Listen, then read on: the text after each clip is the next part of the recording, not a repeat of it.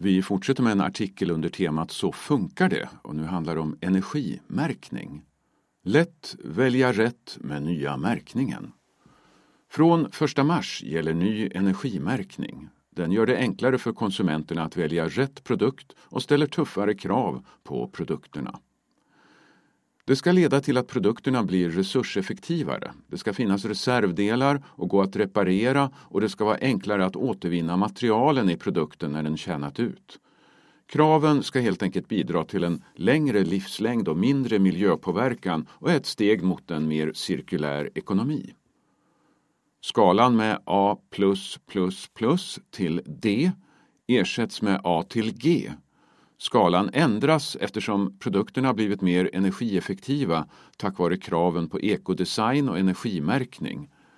Till en början fanns inga produkter med energiklass A utan de effektivaste produkterna på marknaden nu är i klass B och C.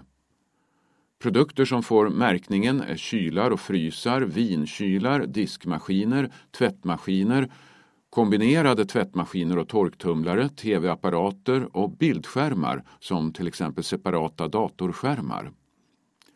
På energimärkningen finns olika symboler som anger exempelvis volym för kyl och frys, programtid för tvätt eller diskprogrammet, buller eller energianvändningen i HDR-läge för tv-apparater.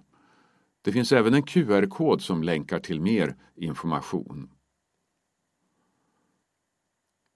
I högerspalten på sidan 31 syns längst upp en energimärkningsetikett.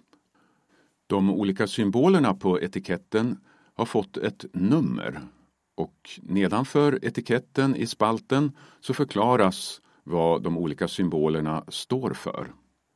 Och nummer ett betyder QR-kod som ger mer information. Nummer två produktens energiklass B är klassen i exemplet här. 3. Energiklasser på skalan A till G. 4. Energianvändning i kilowattimmar per år. 5. Volym frys i liter. 6. Volym kyl i liter. 7.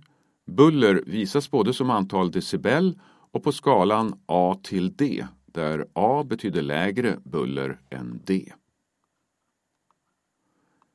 En tipsruta. Du kan få rutavdrag om du reparerar dina vitvaror. Fotnot.